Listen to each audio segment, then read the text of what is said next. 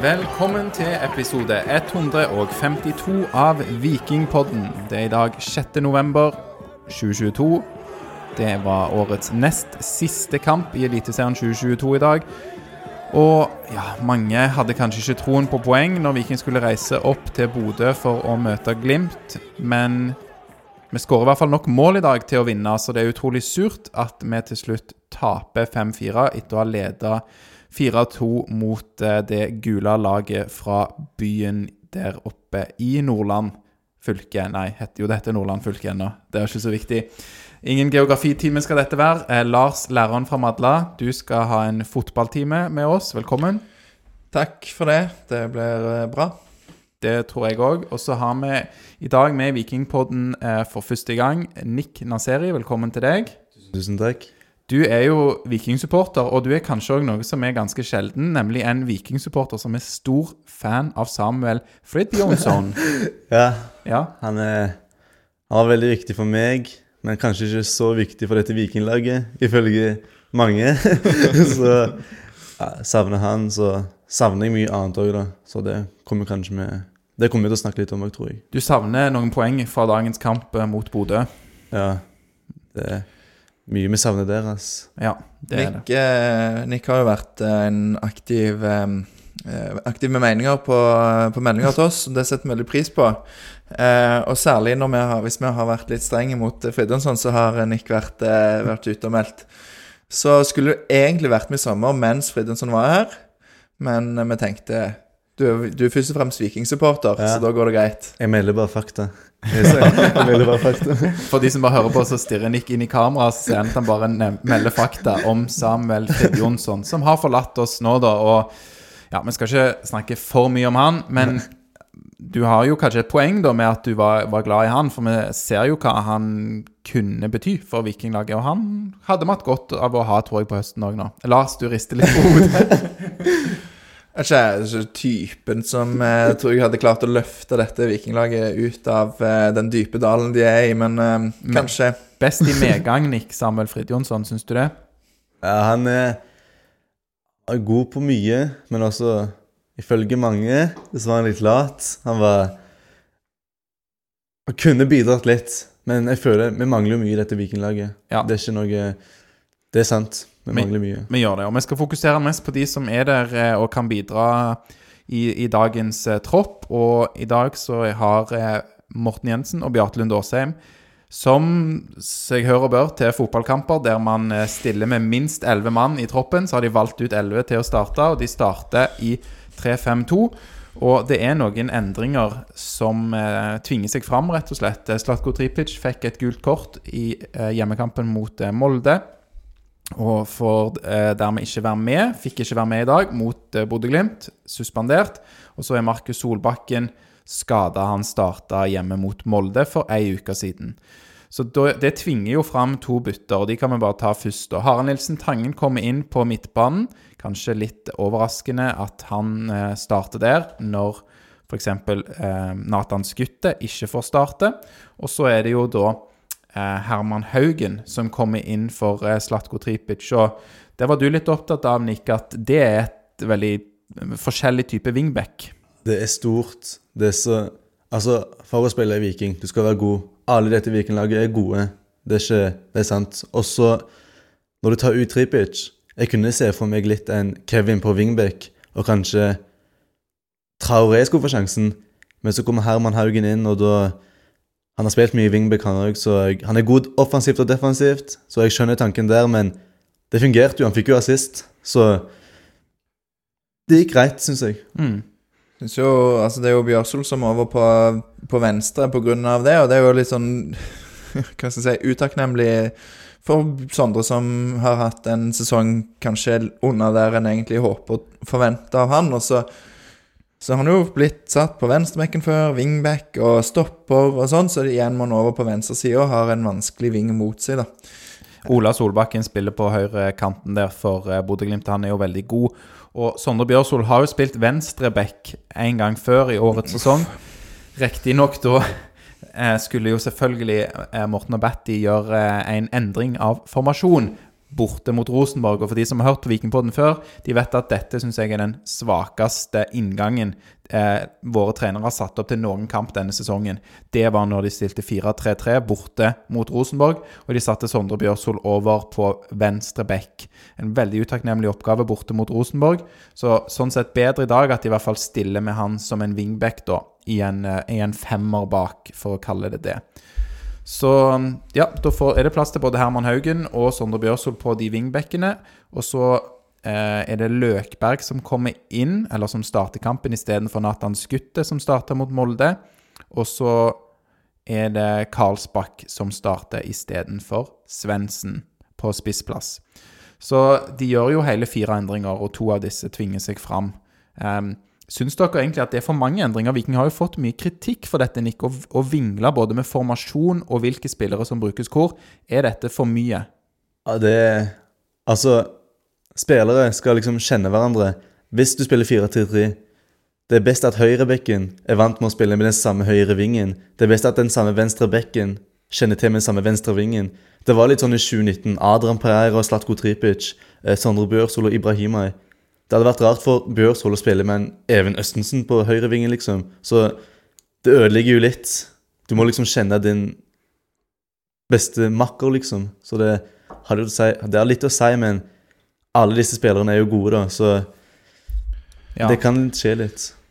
Ja, altså De er jo egentlig gode. De er det. Det kan, er vel liksom egentlig greit å legge inn der, men eh, jeg synes jo òg at de endringene gjør, er helt innafor, fordi at eh, Svendsen har ikke imponert voldsomt som spiss. Um, og um, ja, det er vel litt sånn um, det, har, det har, jo vært litt delte meninger rundt Skutte og Tangen, eh, hvem som skulle fått, blitt foretrukket der.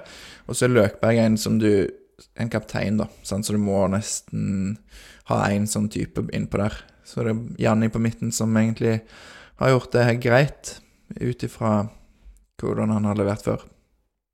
Ja, det, det, er bra å ha han der i ankerrollen, synes jeg i hvert fall òg. Så nei, det blir nok eh, Når de gjør disse fire endringene, da, så er det i hvert fall nok å prate om. For det er jo noe som både altså, avisene i Stavanger og supporterne og andre er glad i å diskutere.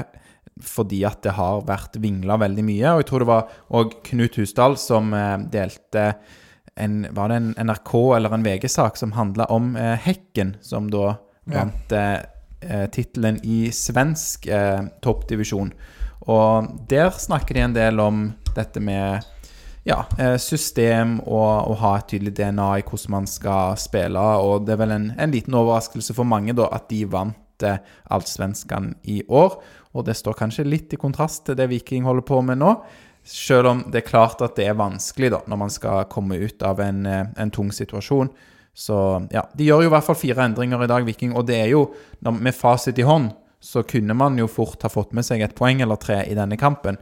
Eh, og denne kampen mot Bodø-Glimt er jo veldig annerledes fra det vi har sett de 10-12 siste serierundene. Ja, det, det, er jo altså Det begynner jo likt som sist. Ja, det er sant. Men vi fortjente tre poeng. I, I hvert fall ett. Ja. Vi skal ikke komme hjem til Stavanger med ett poeng, med null poeng. Det, Nei, jeg, uh, i dag seirer fotballen. Ja. Hvem sa det? det var uh, Amal Pellegrino som uttalte det i postmatch-intervjuet. Kan jeg bare ta det med en gang? For ja, en ekkel uttalelse. Du har vunnet 5-4 på hjemmebane mot et lag som eh, har tapt og tapt og tapt, som Viking faktisk har gjort. Eh, som prøver, som byr på seg sjøl, som skårer tre veldig fine mål, må vi kunne si det er jo det er noe ekstraordinært over alle de tre målene, syns jeg, de, de, tre siste til Viking.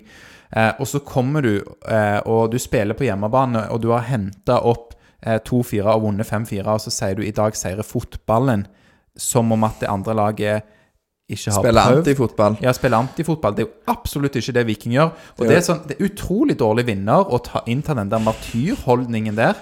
Eh, og så For all del skal jeg òg si ja, det er adrenalin for fotballspillere òg. Det er klart at han har veldig lyst til å vinne.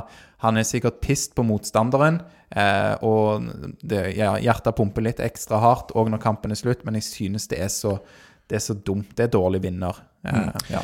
Det henger jo sikkert litt igjen eh, fra april, når eh, Bodø-Glimt var i Stavanger. og da, ja, Viking spilte jo veldig tøft. Eh, Dommeren lot de få spille tøft og, og la lista høyt for å gi frispark og kort og sånn. Ehm, og da følte Bodø-Glimt, uh, tror jeg, både spillere og trenere og fans, at, eh, at Viking var et sånn drittlag som bare ødela og ville ikke at eh, det skulle bli spilt fotball. Um, og så, ja, Viking la seg på grensa, sant, der. Men de gikk ikke over den grensa. Uh, og så i dag liksom føler han at de, de vant fordi de var et bedre lag, som de jo faktisk var, men at fotballen vant. Det er sånn litt sånn uttalelser som, som jeg tror at veldig mange rundt omkring i Norge eh, Som får mange rundt omkring i Norge til å ikke være sånn superfan av Glimt. Du skal ikke si sånt. Du skal bare ikke si sånt. Og når det er Pellegrino òg, det føles sånn Han er den som liksom ser snillest ut. Han er sånn Du, du husker hva som skjedde i sist gang? Det var det sist gang Ja, det var brassesparket i 2021. Så skjedde det mye. Han ble, det ble sagt ting om han Skårte han brassespark mot Viking? Ja, Ja. i 2021. Var ikke det? Hjemmebane. Husker ikke. Ja, og så gjorde han i hvert fall det. Så han har alltid skåret mot Viking. Mm. Fra 2019 til 2022. og Hvert da- år. Hvert år. Til og med når han var i Kristiansund. Så da tror jeg han følte seg litt mer kul når han eh, fikk eh, skåret igjen. ja. Nei, men de er vel ikke best på dette med uttalelser oppe i Bodø, da. Men eh, klart, eh, de har jo lært noen ting. De har sagt dummere ting før. Så sånn er det. Ja. Ja, nei, men skal vi ta oss gjennom kampen? Jeg vet ikke hvor detaljert vi skal gjøre dette. Ni mål. Jeg vet ikke om vi har dekka så mange en kamp med så mange mål i Vikingpodden før. Eh, Lars, husker du det? Ni mål? Nei, jeg kan ikke tro det. Jeg tror ikke det, altså. Nei. Det, men ja, vi får se hvor mye vi gidder å ta på hvert av de. Ja. Som eh, mot eh, Molde så kommer vi eh, egentlig greit i gang, men klarer å slippe inn mål tidlig. Eh, og det er jo nevnte Pellegrino, som putter mål. Litt på flaks og litt på dyktighet. Lars? Ja, det er jo en, det, det er et godt innlegg fra Solbakken først. Um, Han dukker jo da de opp. ja, men jeg tror ikke han dukker. Jeg tror han prøver å rekke han. Okay. At han eh, setter hodet liksom eh, Ja. ned mot ballen, så ser det ut som han dukker. Men jeg tror ikke den hadde Altså, jeg tror han gjør det han kan få nå, han. Og så er det duell da mellom Brekalo og Pellegrino. Der Pellegrino kommer seg foran eller setter foten på ballen. Eh, Gunnarsson kanskje den eneste skåringen der det liksom kan spørre seg om han burde gjort noe annerledes. Eh, Dårlig kommunikasjon der med Brekalo. For Brekalo ser ut som han prøver å skjerme eller liksom ta ut spilleren. Ja, altså Hvis Gunnarsson skulle gjort noe annerledes, så måtte det vært å bryte foran. Uh, men den er vanskelig. Det er et godt innlegg, det er et godt løp. Og så er det jo Det som gjør det så irriterende, er jo at ballen går i stolpen, og så i hodet på Pellegrino som dette med Brekalo oppå seg, Mm. så blir det mål. Ja, det er ikke marginer der på det målet. Litt heldige. Ja, Det vil jeg si. Det, enig. det hadde, for å si det sånn, hadde det vært Viking der, så hadde den ballen gått i hodet til, til Brekalo og ut. Ja. Ja, ikke sant? Du kan det. Det er vel litt der vi befinner oss, ja. Ehm, Det, det ser vi. Det var vel ikke det første heldige mål eh, de skåret i dag. eh, Bodø-Glimt. Eh, Vi har Jeg mener vi skårer tre veldig fine mål i dag, og så har vi ett heldig. Og det er jo denne utligningen til 1-1-nikk. Ja, det er Karlsbakk, da. Vi starter med Kevin Cabran, som får ballen på sin venstre side. Setter fart fram, legger inn langs bakken. Så er det Løkberg som får han. Skyter. Så er keeperen der redde. Så er det Så jeg tror jeg det er keeper som prøver å klarere han ut. Er det det? Ja. Ja, keeper eh, prøver å sparke han. Han, han får han miste han med hendene, så triller han til beina og sparker han ut. Så går han forbi Tangen. Tangen er så vidt borte, han tror jeg. Han Så er treffer det- tangen. Ja, Så er det Karlsbakk. Foran han Bomma han først, egentlig? Jeg vet ikke hva som Ja, skjedde. Nei, Bomma han først. Jeg tror ikke han bommer, men jeg, jeg tror liksom ballen kommer så kjapt, og så setter han ut en fot, eh, og så klarer han å få kontroll på ballen istedenfor at han går i mål. Så kanskje litt heldig. Ja, litt heldig der. Så fikk han målet sitt, endelig. Jeg tenkte før kampen òg sånn Han kommer ikke til å skåre. Men så gjør han det, og så Ja, kom faren min til meg. Hva var det du sa om han der? så jeg ble litt sånn Så det var deilig å se han skåre. Ja, det var, var kjekt for eh, Karlsbakk, altså. Kanskje litt mer eh, kampen for han. De spiller jo med fire bak òg, eh, Bodø-Glimt. Sånn om det er noe treneren har vært inne på, at eh, han er, han er jo en bakromsspiller. og ja Det var, ble ikke så mye plass til han i dag, men han er kanskje ekstra dårlig når det er lite plass. Og motstanderlagene eh, stiller med tre midtstoppere, f.eks. Så ja, så er det jo, går det ni minutter fra Karlsbakk har putta til Hugo Vetlesen eh, får skåret et eh, likt mål som det han eh, skårte eh, mot Rosenborg. Eh, jeg ble vist det når han Vi så jo kampen med en Rosenborg-supporter, av alle ting. Så han sa der skårer Bodø-Glimt et gullemål, og et helt likt gullemål som det de skårte mot Rosenborg. Og det kan jeg faktisk si. Det var som det ble når Vettelsen skårer 2-1-målet. Eh, Pellegrino prøver å skyte. Han får det ikke til. Men det blir en perfekt pasning til Hugo Vettelsen, som setter denne, dette mislykka skuddet i mål. Veldig irriterende. Eh, litt vanskelig å forsvare seg mot òg, for det er så Hva skal jeg si? Det er jo ekstremt uforutsigbart, da. Ja, det er jo Skulle nesten tro det er sånn innøvd fra Bodø-Glimt når det skjer to kamper på rad med en klarering, klarering fra corner som, som blir skutt inn. Det er jo et dårlig skudd, som du sier, og så Det er vanskelig å forsvare seg mot, men sant, kjapt ut så, så er han i offside. Eh, og eh, ja, i en perfekt verden så er Janni mer våken enn eh, enn Vetelsen, men, eh, men det ligger ikke i hans DNA, tror jeg. Jeg skulle liksom Nei, så er det jo noe med hvor du er på vei hen, ikke sant. Her har vi klarert en corner, og da er du kanskje på vei ut av feltet, da. Så, men eh, ja, en, en kjip forskjell her er jo at for ei uke siden, når de skårte et ganske likt mål, eh, Bodø-Glimt, så vant Rosenborg 3-2, men Viking klarer jo ikke å ta tre poeng i dag, da. Så ja. Ganske så drit. Um, ja. Og da tenkte sånn først, sant, når Bodø-Glimt skårer 1-0 etter fem minutter så, Søren, hvor, hvor mye mål blir det i dag? Og så kommer kom jo da Karlsbakk sitt mål. Og da ble det litt sånn OK, ja, men kanskje Kanskje vi kan i hvert fall eh, unngå sånn braktap. Og jeg tror ikke vi klarer å ri inn 1-1 på det tidspunktet. Men når det 2-1-målet kommer såpass kjapt etterpå, så er det litt tilbake en sånn åh. Ja, det, det ble med håpet. Ja. Det gjorde det. Eh, men eh, vi, vi utligner jo da igjen etter Vettelsen sitt eh, 2-1-mål. Og her er det jo en veldig fin eh, opprulling der, eh, Nick, som fører til løk. ja, det er Herman Haugen, da. Husker ikke hvordan han fikk ballen. Det var, var det Lars, du har best notater av oss her. Eh, på eh, 2-2. 2-2.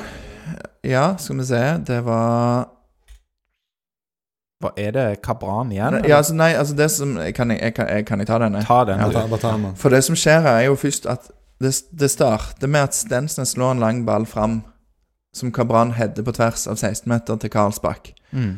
Og så klarer ikke Karlsbakk å få den mot mål, så han legger den tilbake igjen, og så må Viking trille inn.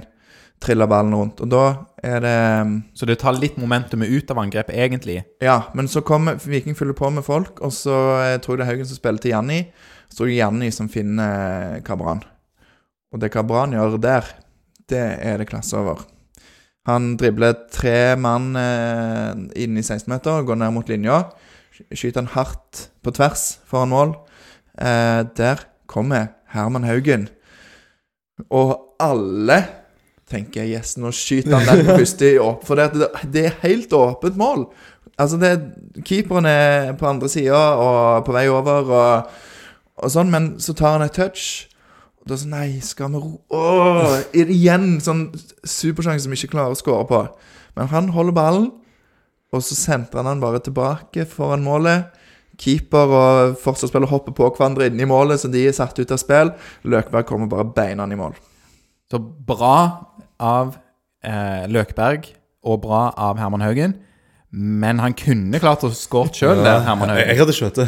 Ja, og du hadde skåret òg, Jeg Nick. hadde skåret òg. Det, det var jo et par Bodø-Glimt-spillere men de drev og, som var inne i mål, nærmest. Og de drev og kava ned på bakken. Så hvis du løfta han der Nei. Han hadde skåret. Han, han burde skåret, eller, eller sånn hvis, hvis han hadde skutt og bomma, så hadde vi sagt han burde skåret. Ja. Men her får jeg litt assosiasjoner til Ullskisa i 2018.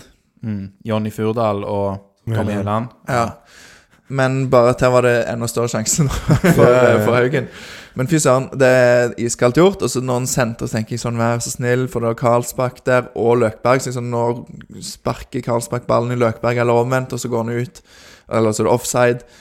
Men heldigvis så er Løkberg er på han, og Karlsbakk trekker seg unna, så blir det, blir det mål. Og her kan jo jeg si da noe som jeg eh, calla allerede mot slutten av eh, første omgang, at jeg syns Kevin hadde vært eh, banens beste til da i første omgang.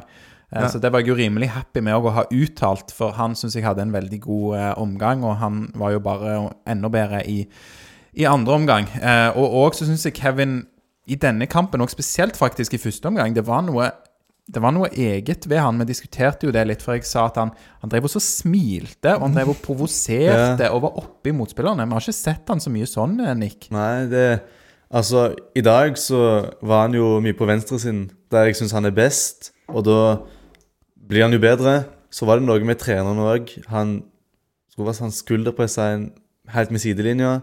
Han detter ned. Kommer treneren til Bodø-Glimt og holder, holder ballen. Og så kommer Kevin, så begynner han å smile liksom oppi- fjeset til treneren.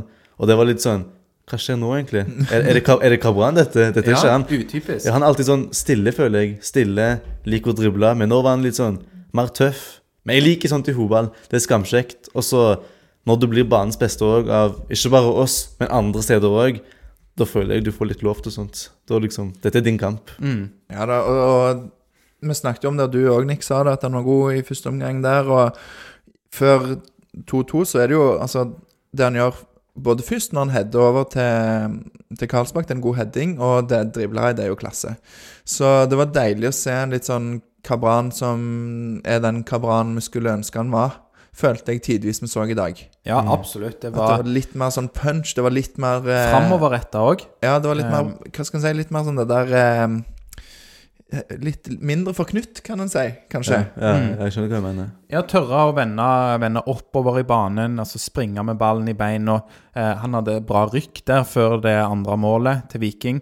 Det, det var veldig fint å se på. Så lurer du jo bare litt på hvorfor var det sånn denne kampen. For jeg syns det var noe med hele, hele innstillingen og òg eh, ansiktsuttrykkene, smiling og sånne ting. Det ser vi som slakt Jeg ja, repeterer meg sjøl, men vi har ikke sett det mye fra han. Men det får meg òg bare til å spørre meg Hvorfor er det annerledes nå? Da nevnte jo noen av de jeg så kampen med at ok, er det kanskje fordi at han vet at det skal komme en opprydning i Viking? Er det sånn noen spillere skal ut? Er det sånn motivasjon som gjør at oi, nå må jeg virkelig skru på? Men du skulle jo tro at du Altså, laget har gjort det så dårlig. Eh, og eh, han har ikke gjort det sånn spesielt bra personlig at det skulle være motivasjon nok. Eh, så er litt usikker, eller om han har bare fått beskjed om å slippe deg løs, liksom. Her er det, det er mindre å tape. Han har kanskje tenkt i de baner sjøl. Jeg syns det var veldig spesielt, og selvfølgelig veldig positivt å se. Mm. For kanskje òg boltre seg litt mer når Tripic ikke er på banen. Jeg vet ikke om det Det blir kanskje litt spekulativt å si, men, eh, men han er jo ofte litt sånn i skyggen av Slatko. Ja. Han har jo tidligere vært best òg på venstre wingback, igjen på venstresiden. Ja, som han du er Eller det. Venstre ving. Men det føler jeg alle men best faktisk for Viking på venstre wingback i de kampene Viking må forsvare, synes jeg. Ja, faktisk. Mm. Ja, så, men um, ja, Nå snakker jeg mye om Kevin. Jeg skal si én siste ting. Dette har jo jeg òg eh, etterlyst for de som har hørt mye på Vikingpodden. Um, når Sander Svendsen var ny i Viking, så kommer han og blir kasta inn på spissplass etter å ha hatt én, to eller tre treninger med laget. Helt ny på laget. Starter borte mot Kristiansund. Eh, hvorfor ikke Kevin var aktuell på en spissplass på det tidspunktet? At du har spilt inn. Eh, jeg bare føler jeg får en liten sånn oppreisning, eller kall det hva dere vil, for at eh, man kunne hatt i egne rekker, og han eh, har noe med seg da på spissplass òg, som ikke andre har. Ja. For når jeg sa 'hvorfor eh, har du ikke gjort sånn hele sesongen', Kevin, så svarte du, eh, Alexander, at det jo for han har ikke fått spilt der. Ja. Eller noe sånt. Så skriv jeg den. Det, men eh, i dag var det, var det en god kamp for Kevin. Han ender jo opp til slutt som banens beste. Vi går jo til pause her, eh, hvis vi er kommet så langt at eh, det er veldig Altså, hvor, hvor, hvor går denne kampen nå? Sant? Det har vært bølger litt fram og tilbake. Bodø-Glimt har jo ballen solklart mest. 68% til pause. Eh, Det er vel omtrent der denne til slutt òg. Uten at jeg i hvert fall tenker at de har kjørt Viking så hardt som de gjorde f.eks. i fjor, når det endte 2-2, vel. Ehm, Jeg mistenker jo de som sitter på de possession-knappene og trykker hva, hvilket lag som har ballen, har, uh, har bomma litt. Og jeg følte ikke det var sånn nesten 70 i Glimt, men uh, OK. ja. Men, uh, men i hvert fall så Etter ti minutter i andre omgang så skjer det noe helt fantastisk. Da er det Herman Haugen som skaffer oss et frispark. Og så Jeg ble litt overraska at det var Kabran som skulle ta det. Altså, jeg tenkte sånn Hvem er det som star liksom, ser, jeg- ser jeg riktig nå? Altså, Men kan, kan vi ta det, for det, der snakket meg og Alex, for det er Herman Haugen han skåret jo på et frispark bl.a. mot Haugesund, Haugesund. hjemme eh, før sesongen i fjor, og har vist at han har en god skuddfot. Eh, og så sier du, Alexander, hva var det du sa? Ja, for på dette tidspunktet også, må jeg bare si Jeg har jo vært positiv til Kevin sin eh, eh, prestasjon, men jeg vil jo veldig gjerne at det er Herman Haugen som skal ta dette. Jeg har ikke troen på at Kevin skal skåre. Nei, du har ikke troen på Hvis det ble Kevin, så hadde du ikke troen på mål. Så jeg, da tar Kevin da skårer, skåre, sier jeg. Ok, ok, jeg skjønner, jeg skjønner. skjønner. Ja. ok. Ja, det, er det, Syns du det var fint frispark, eh, Nick, eller? Ja, det var, det var fint, men det var sånn Det var en liten lobb, følte jeg. Det var ikke sånn Sumo Butichi. Det var sånn liten lobb, følte jeg. Chip. Så du holder en knapp på Syma Butichi sin frisparkfot? Selvfølgelig. Altså, det er faktisk eh, ganske vilt, det målet han skåret mot Ålesund. Der for øvrig Joe Bell òg skårte på frispark i samme kampen, tror jeg. Ja. Men, eh, men jeg syns det er et veldig fint frispark, for han, det er jo ikke en kanonkule. Det er ikke sånn som eh, Syma, som du sier, som bare fyrte løs med strak vrist. Men han skrur han jo faktisk rundt muren. Det du, når du ser reprisen bakfra, så ser du han går i en fin bue utenfor målet og inn i Ja. Og så sier kommentatoren eh, eh, ganske Eller opp mot krysset, eller noe sånt. Mm. Men du får den ikke så mye lenger opp Den i krysset Den er limt, ja. Den er limt i krysset. Det var klasse. Så eh, takk for den. Ja, nydelig. En kandidat til årets mål, sa vi da. Ja, det var det. Ja, Det var veldig fint mål. Kommentator òg var inne på det, var han det? Jo, ja. det var det. Nei, nydelig det. Og, og Kevin var ikke ferdig. Det gikk tolv minutter, eh, Nick, og så er han på, på farten igjen på venstresida. Ja, på død vinkel òg. Han kommer fra venstresida. Jeg trodde han skulle legge inn, men så skyter han nede til høyre. Jeg trodde først det var et lite innlegg, men så er han så iskald. Setter han der. Og det er sånn Det er litt typisk Kevin òg å klare å finne de små rommene der han klarer å sette ballen. Så der tenkte jeg sånn Tre poeng. Yes, nå er jeg mye, nå er jeg mye å snakke om i poden der. Og så da ble jeg litt sånn. Ja, da ble jeg sånn kan vi, kan vi vinne 5-2 nå? Kan det bli sånn der eh, Jeg kan telle til fem. Ja. Altså, så, og så Ja, det hadde vært Det, så, det kan du, men dessverre så andre Ja. veien. Det er jo òg en sang som er sånn mm, Viking vinner 4-2. Ja. Sitt i studio. Det er en sang av Mindre kriminell kjent. kunst. Hæ? Mindre Mindre, kjent. mindre kjent sang, men der de synger om at Viking vinner 4-2. Eh, så det hadde vært helt nydelig eh, hvis det ble sånn. Eh, kan jo òg bare ta på det 4, før 4-2-målet, da. Det er en veldig fin flikk av Kristoffer Løkberg. Ja, den, eh, Jeg ser Kabran står og peker i det rommet, og Bjørsol ser det og slår eh, da den veien. Og så er det ja, ja. Løkberg som tar en typisk Løkberg-flikk. Sånn eh, med hælen liksom bare gjennom i, i rommet der. Så det er veldig godt gjort av, eh, av de tre, og særlig Kevin, da. Det er jo en, en kjempegod avslutning som eh, ikke skal gå. Men det er lekkert av Løkberg. Ja, Det er veldig fint. Det er fint å se sånn i fotball. Ja, det var, det var som nevnt tre veldig fine mål av Viking eh, sine fire i eh, dag. Men Bodø-Glimt skårer jo dessverre da tre mål etter dette, Lars. Skal du bare ta oss gjennom det kjapt? Espejord 3-4. Ballen går gjennom hele feltet og greier, og så putter han den inn. Ja, det, det går kanskje litt i surr med noen av disse målene, men det 3-4-målet det er Espejord som får skutt, og det er ganske utrolig at han får det, for det, det er et innlegg der som, eh, som får gå gjennom hele boksen. Det er vel Samsted som slår det. Eh, og så er det Solbakken som hopper over. Ola Solbakken. O- Ola Solbakken. Diop eh, står klar til å håndtere Solbakken sitt valg om han skyter eller eh, sentrer. Eh, så han når ikke ballen. Det er heller ingen andre spillere. Eh, Stensnes prøver, men eh, det blir Espejord som sånn liggende bak med ryggen mot mål får skutt. Så går han sånn akkurat bak Herman Haugen, nei, over foten til Haugen, og akkurat bak Stensnes. Sånn, det er så marginer at det, Det det. Ja. Ja, det er ikke mye kraft i det skuddet, liksom. Nei, det er godt plassert, og det er godt gjort, for all del, men det er bare sånn der Er det mulig? Hvis Han kan gjøre det der ti ganger. Han gjør det sikkert Ja, OK, kanskje Espejord gjør det oftere enn Svendsen, kanskje, men, men likevel jeg, Hadde du tatt den situasjonen igjen, så tror jeg ikke det hadde blitt mål før neste år. Nei, forhåpentligvis en lav forventa mål, XG, såkalt expected goals, på den, men eh, jeg vet ikke. Det, er jo også, det ser òg litt sånn rart ut fordi at ballen går så sakte mot målet, men for Gunnarsson òg, så er det når ballen skytes tilbake der han kom fra, så er sikkert Gunnarsson da på vei andre veien, på vei med ballen, og så skytes han tilbake motsatt, så det er vanskelig for keeper òg.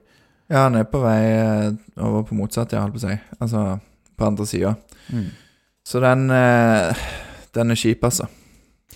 Den er veldig kjip, og blir kjipere etter um, i det 79. minutt. Grønbekk legger på til 4-4. Ja, og det, jeg kan bare dra det litt tilbake. Ja. For det er bare et minutt eller to før dette her. Så får um, Så har jo Svendsen kommet inn. Ja, Sander Svendsen kom Sander inn der for eh, Var det Løk? Nei. Jo. Ja. Og så spiller Karlsbakk han igjennom. Og det ville blitt en kjempesjanse, én mot én med keeper. Men han blir avblåst for offside. Ja. I beste fall så er den så marginal at du måtte ha et sånn der 3D-modell for å avsløre sånn som Napoli hadde i Champions League. Eh, I verste fall så er den direkte feil. Sånn som jeg ser det, så er den feil. Ja, vi har jo eh, sett litt på linjene i kunstgresset her. Det er ikke så lett, ikke sant? Eh, Man, hvis man har naturgress, så har du jo sett også, Nick, at man, man klipper det jo, sånn at man får Ja. linjer i Ja, gresset. ja, ja. På kunstgress er det jo litt verre, så, men vi har jo frøset dette bildet. Og her er jeg ikke heller ute til å ta dommerne. Det er ikke sånn å, det var en hårreisende avgjørelse. Mest sannsynlig så er det feil, og det er dumt. Selvfølgelig ville vi gjerne hatt den 100% sjansen med, med Sander Svendsen der alene på, på mål. Men det er, det er bare det at Altså, vi trenger jo disse marginene, ikke sant? Det er jo bra spill av Viking. Vi trenger å få denne 100% sjansen. Kanskje kan vi putte på der, eller i alle fall få en corner, istedenfor da at eh, ja, det er Bodø-Glimt som eh, får ballen. Overtar spillet. Det er jo Ja. ikke sånn at det kommer Det er ikke sånn at det er liksom på påfølgende situasjon, Nei. men bare sant? En sånn, bare et lite eksempel da på de marginene som ikke går Viking sin vei, Mm. og som da gjør at Bodø-Glimt får ballen og får skapt et trykk, og i det 79., eller faktisk i det med i det 80., når den ballen går inn. Så um, Og òg med denne offside-situasjonen, da, bare til folk der ute. Jeg må bare huske å se på alle kroppsdelene. Hvis dommerteamet hører på Vikingpodden òg, husk at alle kroppsdeler som man kan skåre mål med, det må man regne med når man ser på offside. For der er det vel ankelen til Bodø-Glimt-spilleren som spiller Sander Svendsen onside. ja, ja. han legger igjen foten. foten. Men det er selve målet, da, hvis vi skal ta det, utligningen, så er det um, Pellegrino som eh, spiller gjennom. Her har jo Bodø-Glimt etablert angrep. Bo, eh, Pellegrino som spiller gjennom Vettelsen. Og så gjør først Gunnarsson en god redning, og så er det Grønbekk som hamrer inn returen. Veldig passive der, Viking. Eh, det må jeg si. Jeg skjønner det. det først på, Når det kommer dette gjennomspillet da, til Vetlesen, så er det vel Vikstøl som på en måte er overspilt. Han er veldig langt bak. Men man må jo gjøre seg klar for neste situasjon. Åh, Det er helt forferdelig å stå og se på, eller å sitte og se på, da, som vi gjør i dag eh, i bortekampen. Um, Ja, det, det er jo en Hadde Brekalo òg bare tatt ett skritt foran der, eller ett skritt fram, så ligger de på linja, og da er han offside. mm. Så det er òg en sånn ting. sant? Vikstøl og Bjørsol har ei linje, så har Brekalo en annen. Um, og her har Vikstøl nettopp kommet inn. Uh, og når den returen går, og kommer ut i felt igjen, så står Vikstøl på samme plassen Ja, som han har gjort de siste seks sekundene eller noe. Mm. Så den ah, det, Jeg vet ikke om han hadde tatt den, men eh, Nei, men det er jo det at da, sant, hvis, du, hvis du er klar for neste situasjon, hvis du forbereder deg Oi, her kan det komme en retur. Oi, tenk hvis han eh, ikke skyter. Vikstøl står bare og prøver å vente på hva, hva skal skje nå. Nå er Vettelsen gjennom. Eh, og det kommer jo en retur, og hvis man da istedenfor faktisk overbefolker foran eget mål for å forberede seg på denne neste situasjonen, så er det større sjanse for å unngå det. For det bør egentlig ligge Jeg vet ikke om du er enig, Nick, men det bør jo ligge i forsvarsspillerne sin sånn DNA og innstilling at når det skuddet går, så da skal vi være klar til å ta den returen. De må snakke. Ja. De må snakke, de må vite dette, liksom. De, må, de skal liksom kjenne hverandre såpass godt at nå må vi gå fram, nå må vi gå bak. Det er sånn det er. Ja, altså når skuddet går, sant Diop er jo den som har Grønbekk. Så Diop burde jo vært først på den returen. Altså, for å si det veldig enkelt, da. Eller sånn forenkle det litt. Men jeg tror du er inne på noe av eh, nøkkelen der for at det har lugga spesielt i forsvaret i de siste kampene òg i dag, er jo noe med én, hvor lenge folk har spilt sammen bak der. Eh, Og to, kommunikasjonen. Det ser vi ved flere anledninger i dag, syns jeg, at man ikke snakker sammen. Og, og Stensnes og Brekalo som kjenner hverandre bedre, de som går i samme, går i samme duell. Eh, Bjørsol som eh, mister ballen på midtbanen fordi han er veldig nonsjalant, men ingen roper til han. Eh, man må snakke sammen. Jeg vet ikke om nonsjalant er rett ord, men han, altså, han, han bare Han bruker tid. Ja, okay, ok, ja. sant? Altså, det er ikke sånn at han Han har ikke planlagt at han skal vente til siste sekund og så spille en lekker pasning. Det er jo bare at han ikke er orientert, og det er ingen som hjelper han å bli det. Mm. Så det, det, det er sånne ting som det, og ja. Ja. Um, vi, vi merker jo sant, disse målene òg. Det er jo mye gode prestasjoner for Bodø-Glimt. Det må vi jo bare òg si, da. Ja, det, det, dette 4-4-målet er jo et eksempel på en, eh, en god prestasjon, fin opprulling, og òg for så vidt eh, 3-4. Men de har jo De har jo sin del med gull, spesielt kanskje på det eh, Ja, det er vel på 2-1 og på 5-4 spesielt. Så det kommer jo et eh, nytt gullemål her. Eh, 5-4. Ja, Nick, eh, hva syns du om eh, innleggsforsøket til Hugo Vetlesen? Innleggsforsøket var ikke bra. Det, var jo, det skulle være innlegg, så går den rett i krysset, da. Ta det, Lars. Nei, det, det Det er jo bare latterlig. Det er jo sånn Vi snakket om at årets mål fra Kevin, men i Eliteserien så er jo dette nære. Det, jeg har sett et mål som ligner en gang, og det var i, bare litt sykere i Premier League i 2012, liksom. Så ofte skjer det sånne mål som det. Men, Um, men det kan jo for øvrig ikke bli årets mål når du guller på et innlegg. Sånne gullinnlegg har gått inn før, og noen kan jo hevde at det var med vilje. Eh, ja, men det- han, eh, han hevder- innrømmer etterpå. Ja, ja, Vetlesen gjør ikke det, men jeg har hørt noen si at det var når de har skåret mål på innlegg, at jo, jo, det sikta der og sånn. Det, Ja. åh, det blir litt dumt. Men det, eh, det er jo fantastisk gjort. Uh, creds til Vetlesen for øvrig, som jeg syns gjør et bedre sånn postmatch-intervju enn lagkamerat uh, Pellegrino. Han sier jo at eh, Viking skulle ikke skåret fire mål, og det var crazy at Bodø-Glimt skåret fem òg. Det er jo en eh, merkelig fotballkamp. Ja, Tre av de målene til Bodø-Glimt var heldige òg, så han kan ikke si så mye. Nei, nei, det er helt sant. Kan jeg jo bare si for øvrig at på det um, 3-4-målet som vi har dratt gjennom, så var Pellegrino mest sannsynlig en offside Ja. og sperre for Gunnarsson. Så der òg kunne det vært blåst offside. Um, ja. Eh, 5-4, var det det vi skulle ta nå? Ja, jeg vet ikke om det er så mye mer å si om det. Eller det var jo Det er litt lite press på Vettelsen nå. Han slår det innlegget ganske fritt. Ja, det som er der, er jo at Kevin Cabran er indreløper. Uh, Ja, og det skal vi snakke mer om. Hvorfor, hvorfor har du Han har en kjempegod kamp. Hvorfor skal han spille indreløper? Eh, og så blir han trukket ned, da. Det er vel egentlig kanskje Diop som burde hatt eh, den mannen som Kabran ender opp med å dekke, som er Grønbekk. Eh, for Viking er i overtall der i boksen, så, så det er ikke egentlig noen grunn til at Kabran skal ligge så dypt. Og han burde vært ute og pressa, syns jeg. Men det er jo helt sykt at han går inn. Ja. Nei, veldig kjipt. Det er noe mer å si da om disse 90 minuttene før vi skal snakke litt om de byttene og endringene som de gjorde, eh, trenerteamet vårt. Ja, jeg, Vi kan prøve meg på en liten oppsummering, så kan dere se om dere er enige eller ikke. Um, det er jo en kamp der Bodø-Glimt tar ballen mest, og, og kanskje Altså, de, de skaper jo mest, men jeg syns Viking til en forandring faktisk spiller ganske bra når de Altså, de kommer til flere sjanser i åpent spill enn det vi har gjort på et halvt år. Eh, og målene vi skårer, er gode. Det er faktisk ganske bra offensiv samhandling i dag. Eh, klart framskritt på den fronten. Eh, og så er noen av de fem målene som vi burde ha tatt. Eh, så kanskje sånn all in all fortjent at Bodø-Glimt vinner, men hadde ikke vært helt ufortjent. Og et ran, syns jeg, hvis Viking hadde fått med seg noe her. Enig? Enig. Jeg er enig. Ja, jeg syns òg det er en god oppsummering, Lars. Det er sting i det Viking gjør eh, framover i banen. Det er god samhandling, og man evner i større grad enn man har gjort tidligere kamper, å bli framoverretta. bra av Kevin. Det er òg bra av Karlsbakk, som kanskje har litt mer plass å boltre seg på. Eh, det er bedre avleveringer og eh, Karlsbakk f.eks. med eh, Som har ofte går på balltap, syns jeg. Har mindre av det i dag.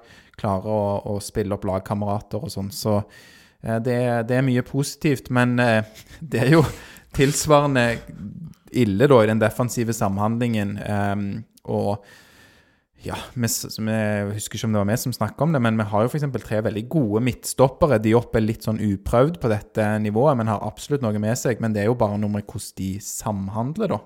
Ja, men det var godt å se i hvert fall et lite skritt i rett, riktig retning. Så um, ja. Hva, hva syns du, eh, eh, Nick? Eh, her spør jo bl.a. Staffan Søresen da på Twitter om, om alle byttene var nødvendig.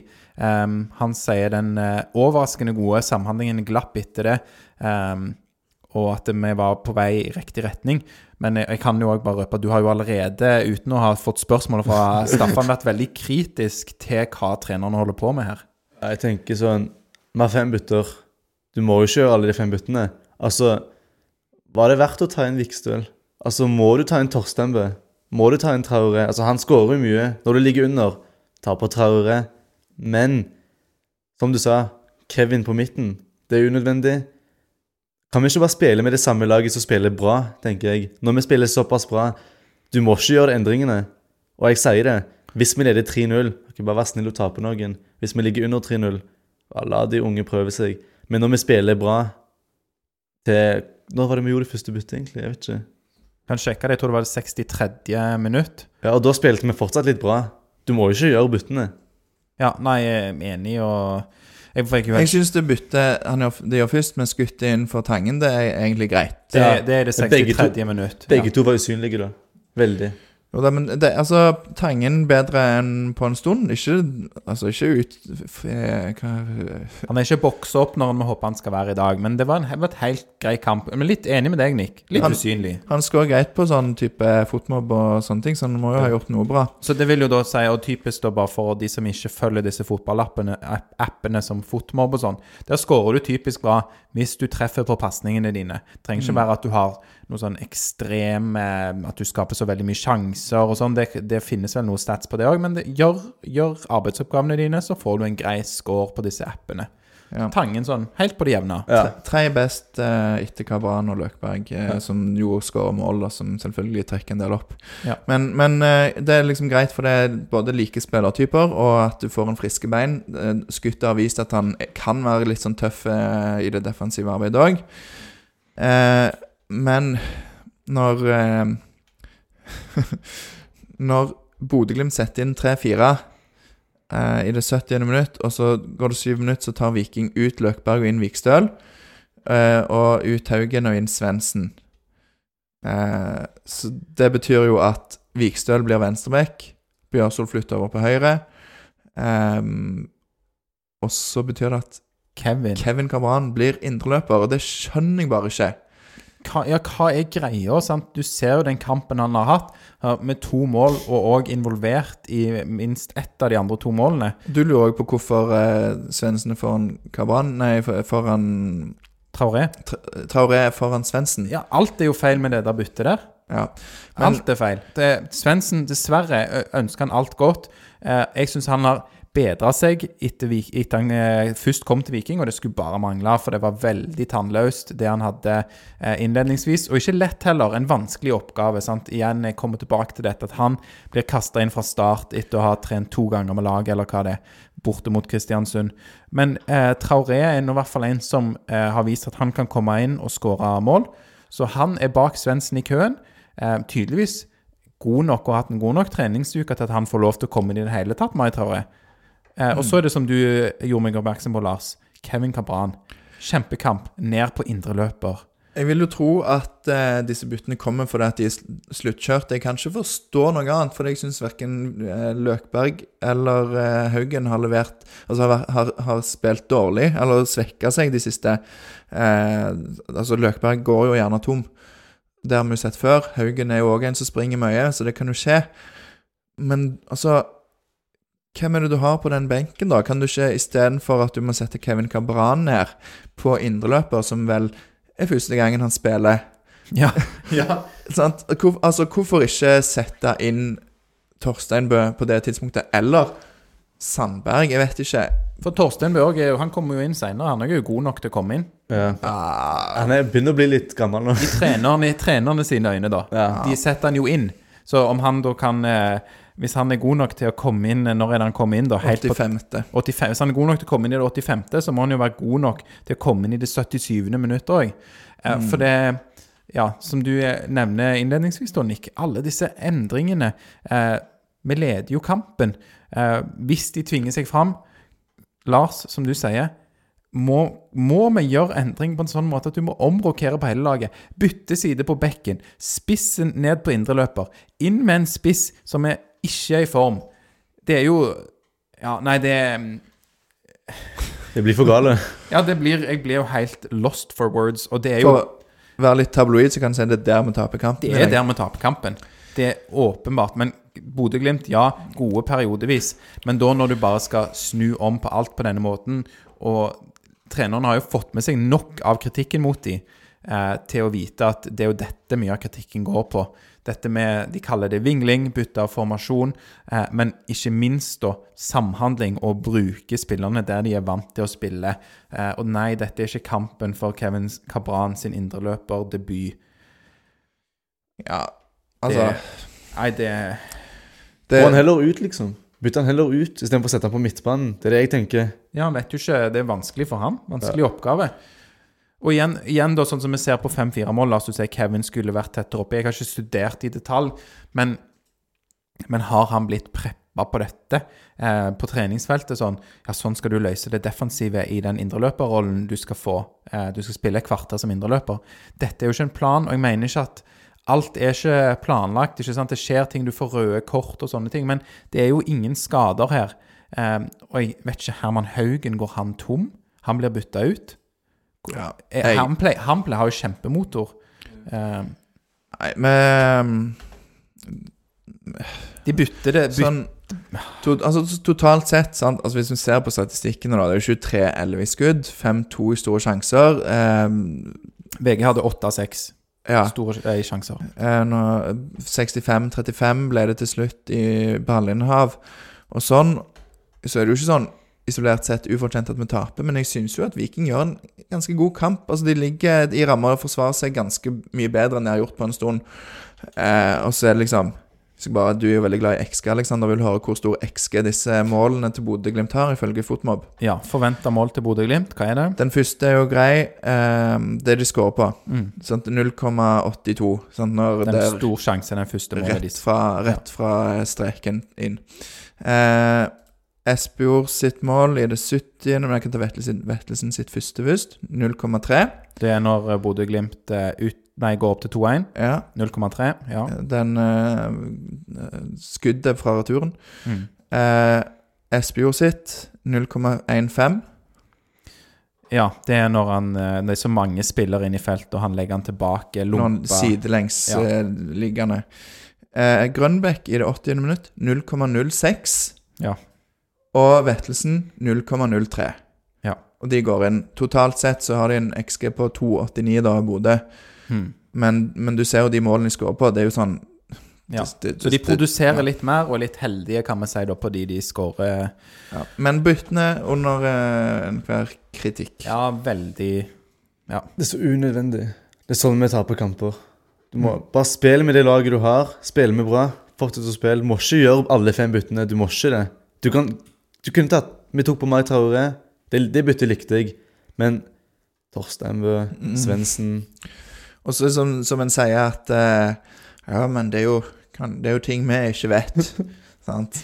Ja, men de er Men det er jeg jo Det er jo Kan du alltid gjemme deg bak. Det kan du gjemme deg bak. Ja. Og de andre de setter inn, er jo tydeligvis gode nok til å komme inn i det hele tatt. Ja, det er ting vi ikke vet, som gjør at Svendsen han er før Mai Traoré i køen. Eller som gjør at Torsteinbø han skal ikke spille indreløper fra det 77. minutt. Ja, men Han er god nok til å komme inn i det 85. Han, de kommer jo inn. Nei, det jeg blir det, Hvis de ikke kikker seg selv i speilet og er fortvila over dette og skjønner at her dreit vi oss ut De dere gjorde det. Dere dreit dere ut. Ja, de må, de må forstå det. Skulle ha skatt med deg i drøysonen etter kampen. Ja.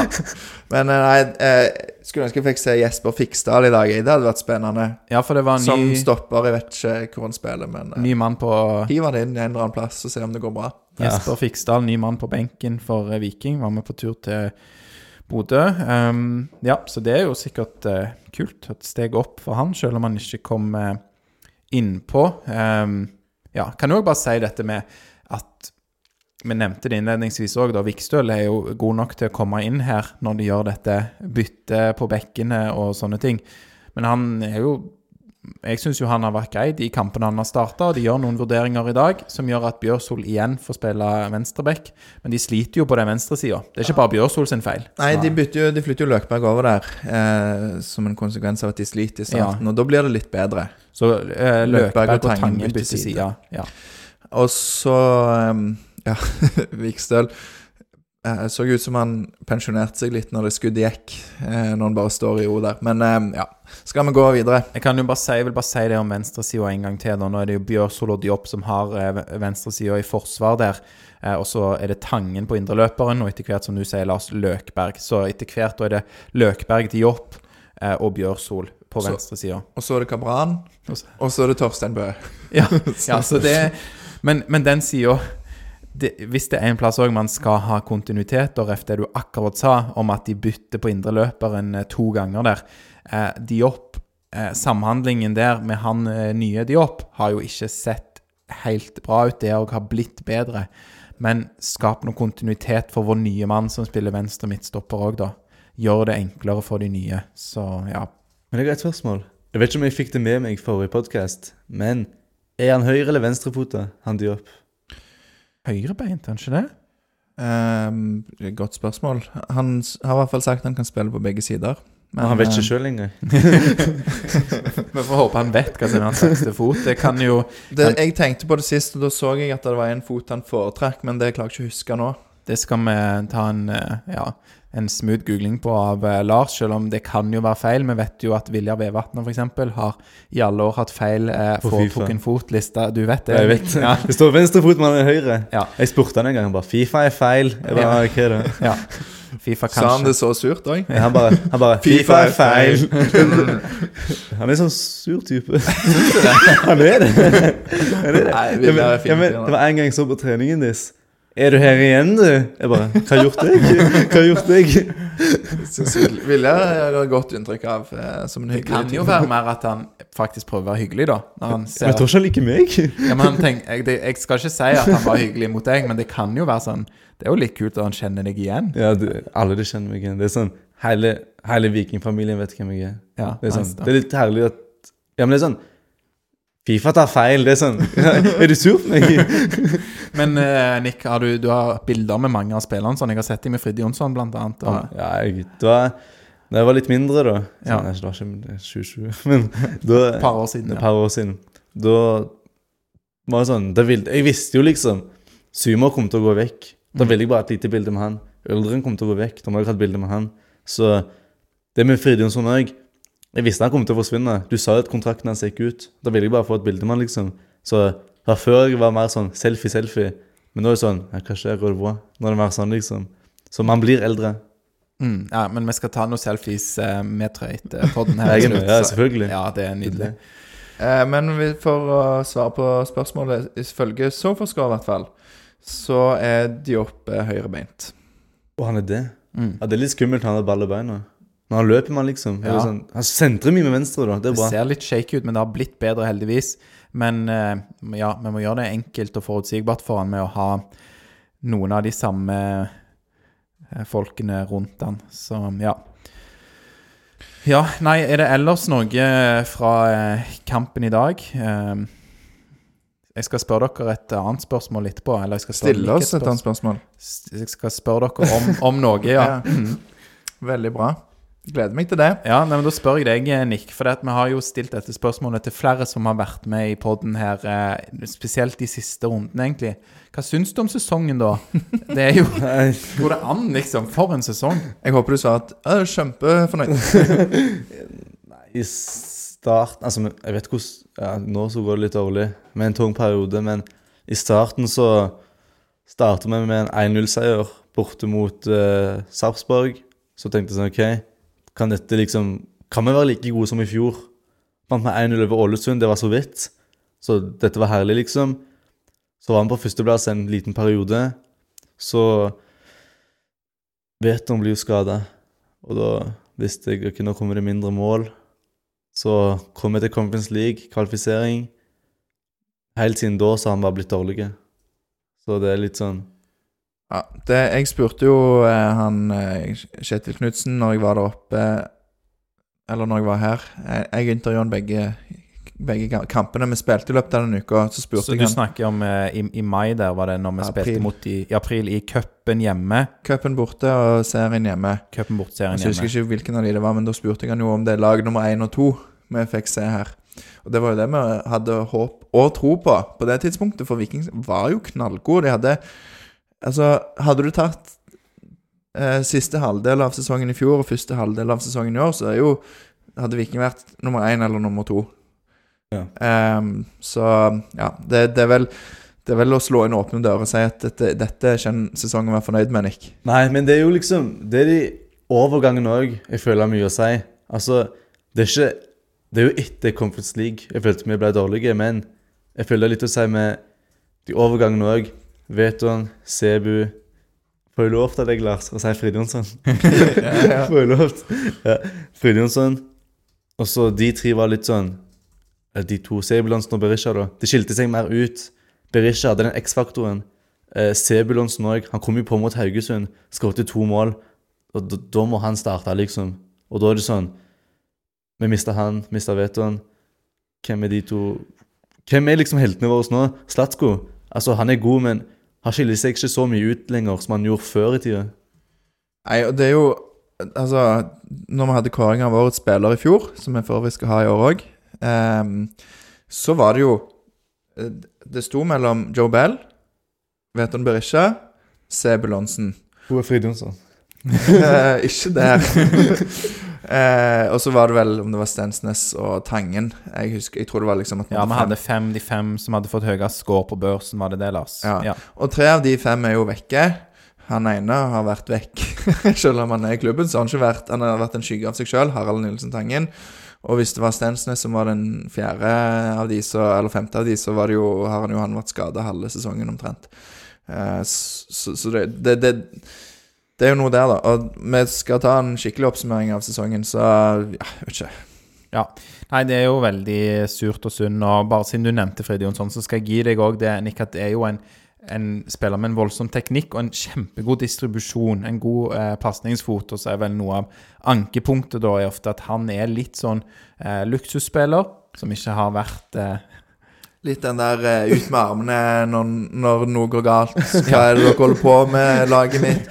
Dere må spille som meg, sant? Ja, og ikke, ikke best på å ta returløp, ta defensivt ansvar og den type ting. Men hvis han, og det er det som er så irriterende, hvis eh, Samuel Fred Jonsson hadde hatt de tingene i tillegg, så hadde han jo vært på et helt annet nivå enn det han er nå. For han er fortsatt en god fotballspiller eh, som kanskje passer i et annet eh, lag og en annen liga, der han får lov til å være litt mer Ikke ha så mye defensivt ansvar, da. Så Han var jo fantastisk god mot Sligo, f.eks. Ja, han var det? ja, på hjemmebane mot Sligo. Ja. Det var konge. Ja. Det var vel kanskje den beste kampen. Han var, det var, eller han var faktisk I de europakampene så var han jo en av blant de bedre vi hadde, da. Eh, Det må jo faktisk sies. Men, Mm. Takk. ja. Men det skal liksom ikke være at det må være europakamper for at han skal levere eh, på sitt beste. Så Nei, jeg vet ikke. Men han har vært i liksom bedre lag da enn alle de andre vikingspillerne, tror jeg. Når han var der. Han var jo i Bundesliga. Og da var det sånn Paderborn Ja, da hadde jeg også vært litt sånn spilte fem kamper. Bare fem? Ja, fra januar til oktober. Var det bare fem? Ja. Uh, og nå er han jo i det- storheten Atromitos, eh, der han har spilt eh, seks, syv, åtte kamper. Ett mål. Ett mål Starta sikkert to-tre av og de. to kamper der han har over syv i rating. Så Ja. han har ikke vært kjempegod der heller. Men det kommer sikkert. Hvor mange av de hadde han fra start, så du det, Lars? Åtte kamper for Fred Jonsson i Hellas. Ja, ut ifra det jeg vil Det jeg kan tolke her, så er det maks fire fra start. Maks fire, ja. Mm. Det ene han spilte 45 minutter, så enten gikk han av i pausen, eller kom han inn i pausen. Jeg vet ikke. Ja. Jo, han kom inn, så skåret han, tror jeg. Ja. Stemmer. Du har begynt, å, kan føl- det. du har begynt det å følge med litt på gresk toppdivisjon nå, Nick. Selvfølgelig. Ja. Ja, Så du følger litt med på de, eh, de gamle vikingspillerne som er rundt omkring i Europa, eller? Ja, det er mer Adrian Symo Adrian Pereira, som, Pereira som nå er i en, annen- i en annen norsk klubb vi ikke skal nevne navnet på. ja. Nei. Symo Butici Uldren Ibrahimai Så er det Frid Jonsson Jeg gidder ikke å følge med på Tommy Høiland jeg, jeg, jeg, gidder jeg gidder bare ikke Han får ikke spilt noe heller Nei, har ikke spilt. Men han var en, en, en liten favoritt hos deg da før når han var i Viking. Ja, han var det Ja. Altså, nå kunne vi trengt han litt Ja, du, Det er ikke tull heller. Litt Helt ærlig, litt Ja. Hvis han er like god i fotball som i Heartstone, eller hva det spillet han driver med, så heter, så ja, ja. ja. Jeg er litt jeg må si det, litt, med forbehold. Jeg, altså, når vi så i sommer hvor, eh, hvor mye vi sleit på spissplassen, så, så begynner du å lure om du Jeg tenkte jo mer på Even Østensen, da, som også er litt yngre. Ja. At jeg skulle gjerne at Jeg tror han kunne blitt mye bedre fra seg enn Tommy Høiland. For det, som du sa, da, Tommy Høiland har vel slukna litt i Sandnes Ulf òg. Dessverre for han. Snart ferdig med fotballen da Ja. Jeg tror, og bare dette er litt sånn synsing og litt basert på liksom signaler, eh, så tror jeg at kanskje de fleste som var igjen i Viking etter Bjørn Berntsen stakk, heller ville ha forlenga med Even Østensen enn Tommy Høiland. ja. Ja Den, eh, når den, når den, det valget ble gjort. Men eh, det, det ikke vet jeg jo ikke. Vi husker i 2020 Berntsen likte han i hvert fall godt. ja, han, ja, men han likte begge de to Husker Han var jo alltid så snill og satt de på siste minuttene bare for å la de spille Du husker det? Du husker det? Nei, det husker jeg ikke, Han var alltid, han var, hvis de lå unn, liksom Husker hjemmekampen mot uh, Molde. Husker du var der, tror jeg, Lars. Når de vant 3-2 i 2020. Du var der? Ja, ja. Ja, jeg var ballgutt. Og så husker jeg de lå under 3-1, og tok de på, så tok Bjarne Berntsen på Tommy Høiland og Even, Even Østensen, bare for å være snill. Og det er sånn Det er snilt gjort. så det er sånn Så han har en forkjærlighet for de lokale, kanskje, da. Der, Ja. ja. Jeg syns jo Ja, det er jo en sånn ting å diskutere om Viking er for snille generelt, men, eh, men vi kan ta det. Mm. Vi nærmer oss vel kanskje en, en avslutning, men vi har et par punkter igjen, om ikke det, Alex? Skal vi ta de lytterspørsmålene? Eh, vi kan ta lytterspørsmål fra Vintrop15 eh, på Twitter, som eh, spør om Sandberg. Er han på vei vekk? Eh, ser han ikke lenger engang er innbytter, eller kommer inn som innbytter, eh, menes nok her. Eh, så sier han at han er nysgjerrig på Eller hva hun. som skjer. Tror jeg det var, faktisk. Er hun. Ja, riktig. Vintrop, det var um, ja, nei, hva som skjer, det er vanskelig å si. men jeg tror ikke han er liksom på vei vekk til å bli solgt. Eh, men jeg tror alle er veldig enige om at han, han må hva skal jeg si, steppe opp. For han har ikke levert kjempebra når han har spilt. Han har hatt noen gode innhopp, men, men fa, eh, few and far between. mm. For få og for langt mellom de. litt uh, sykdom, litt uh, skader, som ikke hjelper, men det er vel kanskje primært skylda det på det. Nei, altså Liksom når, når laget sliter som de gjør, så, så det er jo vanskelig å komme inn òg, da. Men jeg vet ikke. Og han spilte jo ikke når laget var veldig bra heller. Da er det jo heller ikke lett å komme inn i Nei. vår. Hva tenker du, Nick? Vil du se han i neste år? Om jeg vil se, om jeg vil se han neste år? Ja, i vikingdrakt. Altså, han er jo Han er, han er grei, men sånn, jeg føler han er litt langt bak i rekken, da, på den venstre vingbekken. Altså, hvis Patinama starter, vil heller Slatko der foran han. Vil heller Kabran foran han. Han er, han er litt langt bak i rekken, men, Men- jeg kunne hatt han på en høyre ving, liksom. Ja, for han var jo veldig frisk i sesongoppkjøringen i, som høyre ving. Ja. Så jeg tror jeg er enig i at det der kanskje jeg ville foretrukket å sette han. Så håper jeg jo at han, han lykkes, men eh, ja. Han var på benken i dag, så han er jo ikke liksom Ut av troppen. Nei. Nei. Men eh, ja, nei, og som han nevnt før i podkasten, veldig god vel når han kom inn borte mot eh, KFUM i cupen. Skåret to nydelige mål. Så vi har jo sett litt av hva som bor i han, og har noen veldig gode avslutteregenskaper. Jeg husker den kampen, da. De to longshotsa. Mm. Ja, det var... Da var han høyre ving. Da skiller han seg mer, mer, mer ut. Kan skyte med venstrefoten. Mm. Det er noe annet når du er venstrefot og spiller venstre wingback. Ja, da er det en annen rolle, det er helt sant. Og Han har noe med seg. Han er òg flink synes jeg, å være framoverretta i banen og, og føre ball opp, og er ikke så redd for det. Men har jo med resten av laget forsvunnet litt eh, vekk. Og han mer enn andre, da, eh, idet trenerne har satt sin lit til andre som skal prøve å ta poeng for Viking denne høsten. Og Litt interessante tall på han. Altså Han har eh, 23 kamper totalt. 12 av de som innbytter. Det vil si han har startet 11. Og han har blitt bytta ut 11 ganger. Ja, så han har ikke fått fullføre 1,90 minutter. Nei. Nei, den er jo det, Og Da er det jo sant, høne og egget-diskusjonen. Hva kommer først? Er det at han må få spille mer for å få prestere? liksom? Er det det at han ikke har fått tillit fra start? Altså, sant, Det er jo den diskusjonen. Han har, ikke, har han ikke fått tid nok til å vise seg, eller har han ikke vært god nok til å få tid? mm. Trenerne ser han jo på trening og sånn, så ja, jeg vet ikke. Um, jeg- Det er Eliteserien, de kampene, forresten. Det er jo ikke Cup Europa. Nei. Um, Egil Elling Ellingsen på Twitter lurer på Harald Nilsen Tangen. Han sier fra start for første gang siden borte mot eh, Sligo i dag. Eh, ja, Han ser gjerne at vi drøfter eh, hva han har levert i eh, årets sesong med tanke på neste sesong. Hva, hva syns du om Harald Nilsen Tangen, Nick? Jeg syns han er en god fotballspiller. Kan starte. Han starta i dag. Jeg, altså, jeg savner 2021-Tangen. Det er ikke noe hemmelighet. Han var mye bedre i fjor, men når du får spille fulltid, tre kamper på rad, eksempel, da, da føler jeg liksom du får vist mer. Du får den selvtilliten. Men når du sitter på benken nesten hver kamp, og nå får sjansen Jeg føler det litt sånn Du får litt sånn nå må jeg være god, nå må jeg prestere, liksom. Så hadde han hatt den selvtilliten han hadde i fjor, da hadde det vært mye bedre. Så han hadde Han var så god, han var så god til å drible, han kom seg forbi folk. Han, så nå, men han, det er mye tanker i hodet hans òg, vet jeg nå. Det er mye som skjer med han Også. så Utenfor banen. utenfor banen. Så det er kanskje litt med det. Han måtte spille mye med to-laget. Så det er mye sånn Jeg syns litt synd på han òg, for den slags grunn. Ja, vet ikke hvor mye han har spilt med toerlaget, men jeg vet at det er ting, ting som utenomsportslige ting som har eh, preget han. Og ja, det har vært en del sykdom og sånn òg tidligere i sesongen, så det har vært en sånn der lang rekke med uheldige omstendigheter, for å si det sånn, da. Eh, nå håper jeg at han får starta neste kamp mot Odd. Eh, og så regner jo Altså, han forsvinner ikke i sommer, nei, i vinter.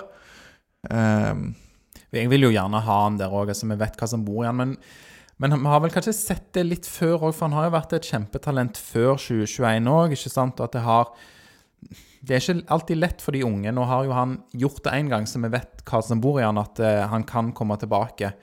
Eh, Det blir en sånn mental test å se om altså, er, Hvis han skal bli alt han kan bli, om han på en måte Det sitter jo mye i hodet. mm? Så eh, neste sesong blir jo spennende for han. Jeg føler kanskje neste sesong er litt sånn eh, make it or break it, eh, kanskje. Ja. Dere skjønner hva jeg mener? Absolutt. Han er nok en av de som da er med neste sesong. Ikke så lett heller for han å gå noe annet sted, og jeg vil ikke tro han ønsker det sjøl heller. Det er nok fint å være i Stavanger og, og Viking og få en ny oppkjøring med Viking der. Og så får vi se, sånn som du sier, Lars, hva som skjer i 2023. Han må bare få vekk alle tankene. Bare starte på nye ark, føler jeg, da, neste sesong. 1. januar. Da skal han liksom Da skal han tilbake. Jeg vil ha han tilbake nå, gamle Nilsen Tangen. Absolutt. Og han har kontrakt ut 24-sesongen, så Ja. det er jo greit hvis han blir veldig god neste år, så har vi Men tror du han blir solgt?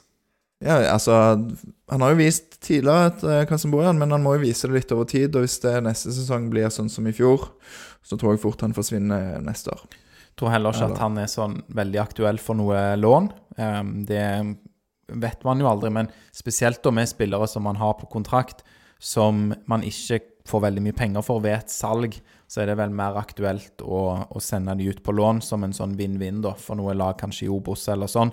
Men han er nok ikke først i køen eh, i den rekka heller på spillere de vil ha ut eh, på lån. Men eh, ja, vi skal eh, straks si litt om hva som skjedde denne dagen, 6.11.2021. Men før vi går dit, så skal vi bare ta kjapt om disse spillerne som Aftenbladet har rapportert at eh, Viking vurderer å få hjem. Og da kan vi jo begynne med Adrian Veldig spennende! Veldig spennende, ja. Eh, kan begynne med Adrian Pereira, som du nevnte at var en av de du har eh, fulgt med da han kanskje var i Hellas og Eh, Nick, hva tenker du? Vil du ha Adrian Pereira hjem? Han er ikke så populær blant supporterne. Du har fått med deg dette? Ja, jeg, jeg har fått med meg det. det altså, jeg forsto situasjonen hans. Han var i Hellas. Det gikk ikke hans vei. Det gjør dessverre ikke det, gjør dessverre ikke det nå òg, da. Men eh, som fotballspiller Han hadde starta på dette vikinglaget. Det er ikke noe hemmelighet. Og han hadde klart å spille 90 minutter. Han, hadde, han gjorde det før òg. Han starta cupfinalen, spilte fulltid. Og så Jeg vet ikke hva som ble sagt det på, inter, det på det intervjuet og sånt, der han sa at Rosenborg er større klubb enn Viking. Altså Nå må du passe deg. Ja, det er det, det, det.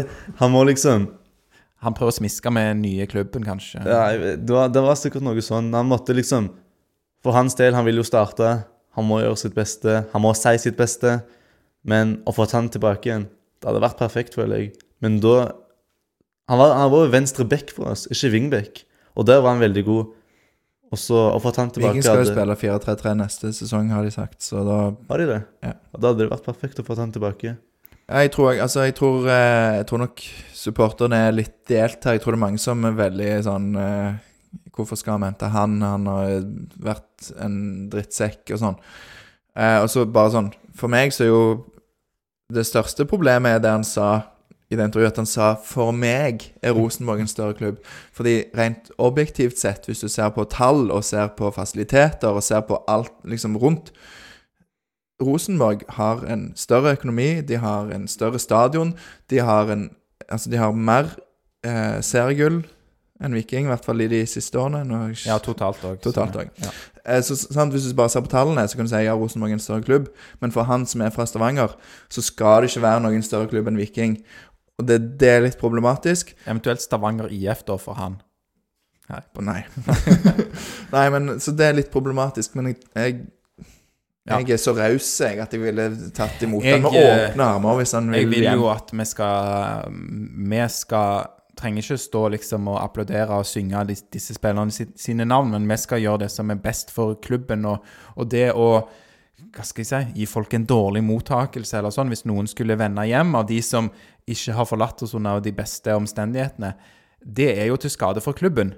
Det å Ja, men vi trenger ikke synge navnet til Adrian Pereira, men det å gi han en dårlig velkomst, skulle han komme hjem Det trenger vi ikke.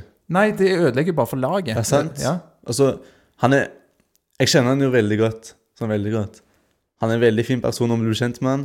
Han er jo en veldig god fotballspiller. Når han spilte mot Viking, han var veldig god. Og så Å få han tilbake hadde ikke skadd oss så mye, men det er det hva supporterne tror om han. Altså, De må bare få vekk alt han, alt han sa, gi han en ny sjanse.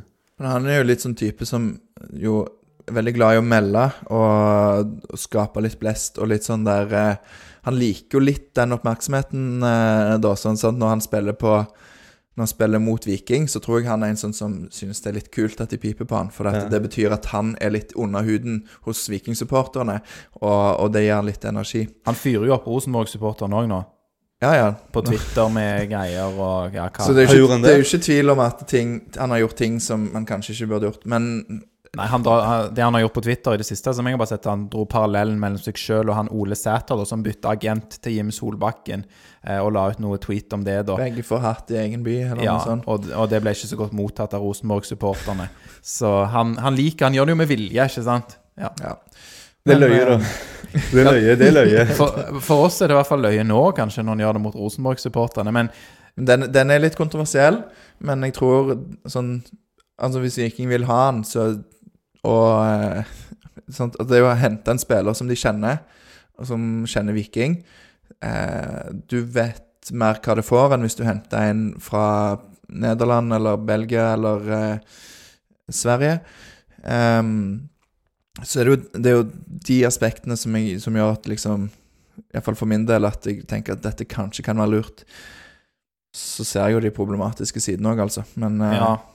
Vi får se. Det kan jo være at han eh, har det behagelig og greit. Og han, eh, han starter jo ikke kampene for Rosenborg, men han er jo ikke så langt unna heller. Så det er ikke sånn at han er helt ute i kulden og Men han kom ikke på. Nei.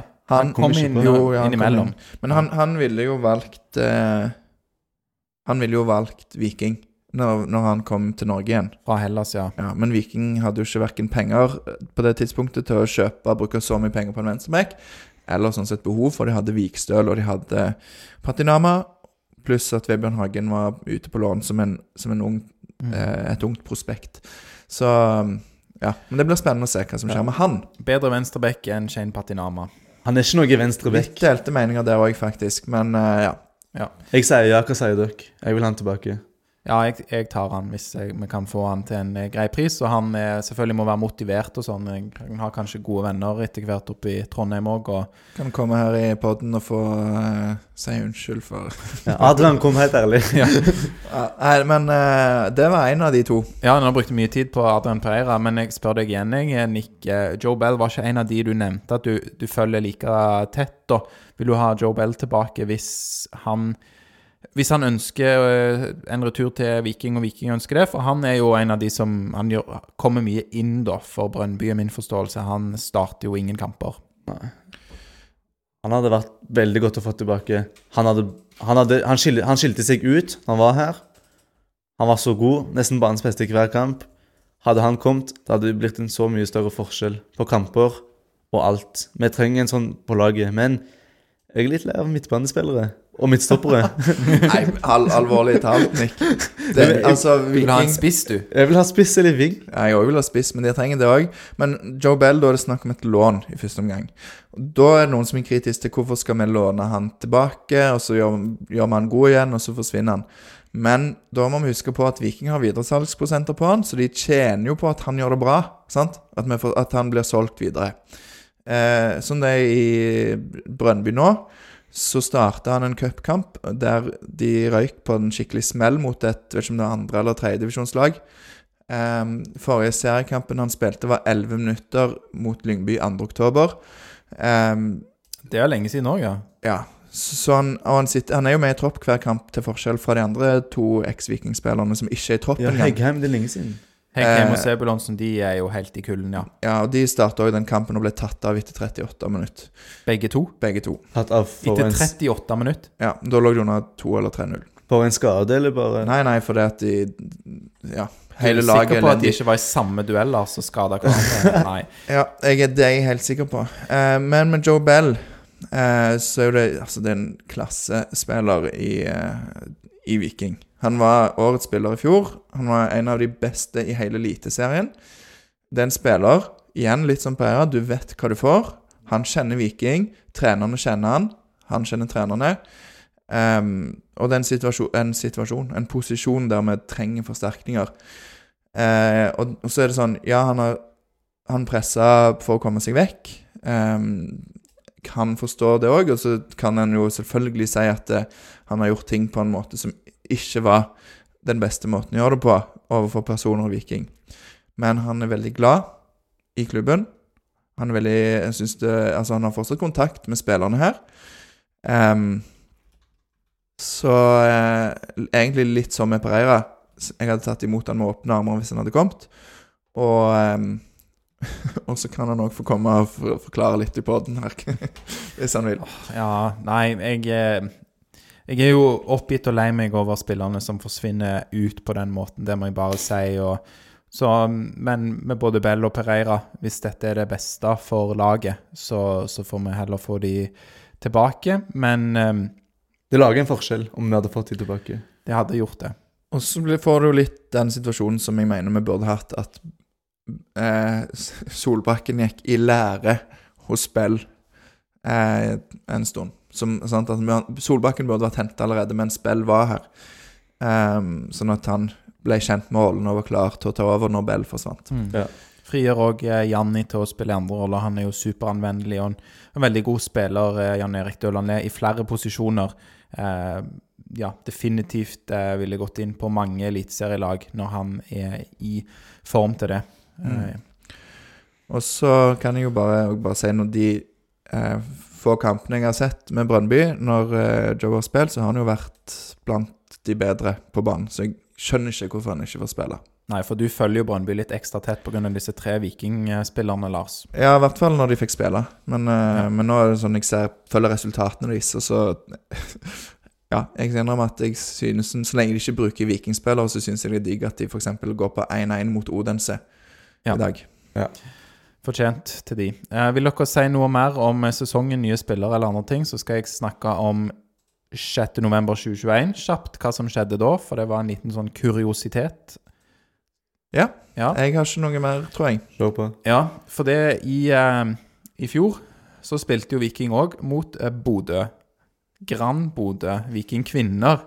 Eh, 6.11.2021. Eh, det, bare, det bare slo meg når det kom opp når jeg drev og googla litt her, at eh, oi, det var i fjor at Viking spilte denne kampen i opprykksserien. Viking kvinner ønska jo da, som i år, å rykke opp fra andredivisjon til førstedivisjon.